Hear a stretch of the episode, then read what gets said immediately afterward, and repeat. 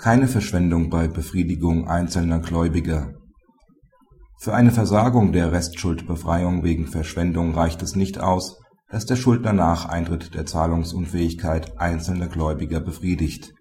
Hinzu treten müssen vielmehr besondere Unrechtsmerkmale, die dem Tatbestand der Verschwendung zugrunde liegen. Die Schuldnerin beantragte neben der Eröffnung des Insolvenzverfahrens Restschuldbefreiung und Stundung der Verfahrenskosten der im Eröffnungsverfahren eingesetzte Gutachter stellte fest, dass die bereits zahlungsunfähige Schuldnerin noch vorhandene liquide Mittel zur Tilgung noch nicht fälliger Darlehensverbindlichkeiten verwendet hatte. Daraufhin wies das Insolvenzgericht den Antrag auf Stundung der Verfahrenskosten mit der Begründung zurück, es liege der Versagungsgrund des § 290 Absatz 1 Nr. 4 Insolvenzordnung vor. Die Rechtsbeschwerde der Schuldnerin hatte Erfolg eine Vermögensverschwendung im Sinne des § 290 Absatz 1 Nr. 4 InSO liegt nicht vor. Allein die Tilgung von Verbindlichkeiten erfüllt nicht den auf besondere Unwertmerkmale abstellenden Tatbestand der Vermögensverschwendung.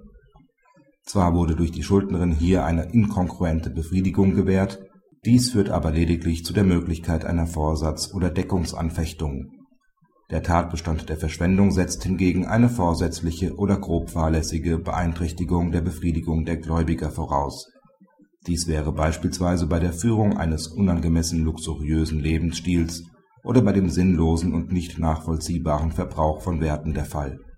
Eine reine Kapitalerhaltungspflicht, wie sie § 64 Satz 1 GmbH-Gesetz, § 92 Absatz 2 Satz 1 Aktiengesetz und § 99 Satz 1 Genossenschaftsgesetz für Gesellschafter von Kapitalgesellschaften vorsehen, trifft die Schuldnerin nicht.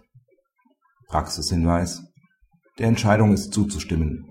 Der BGH schränkt die Anwendbarkeit des § 290 Absatz 1 Nr. 4 InsO angemessen ein. Es würde zu weit führen, die Befriedigung bestehender Verbindlichkeiten ohne Hinzutreten besonderer Umstände als Verschwendung mit der nachteiligen Folge der Versagung der Restschuldbefreiung zu qualifizieren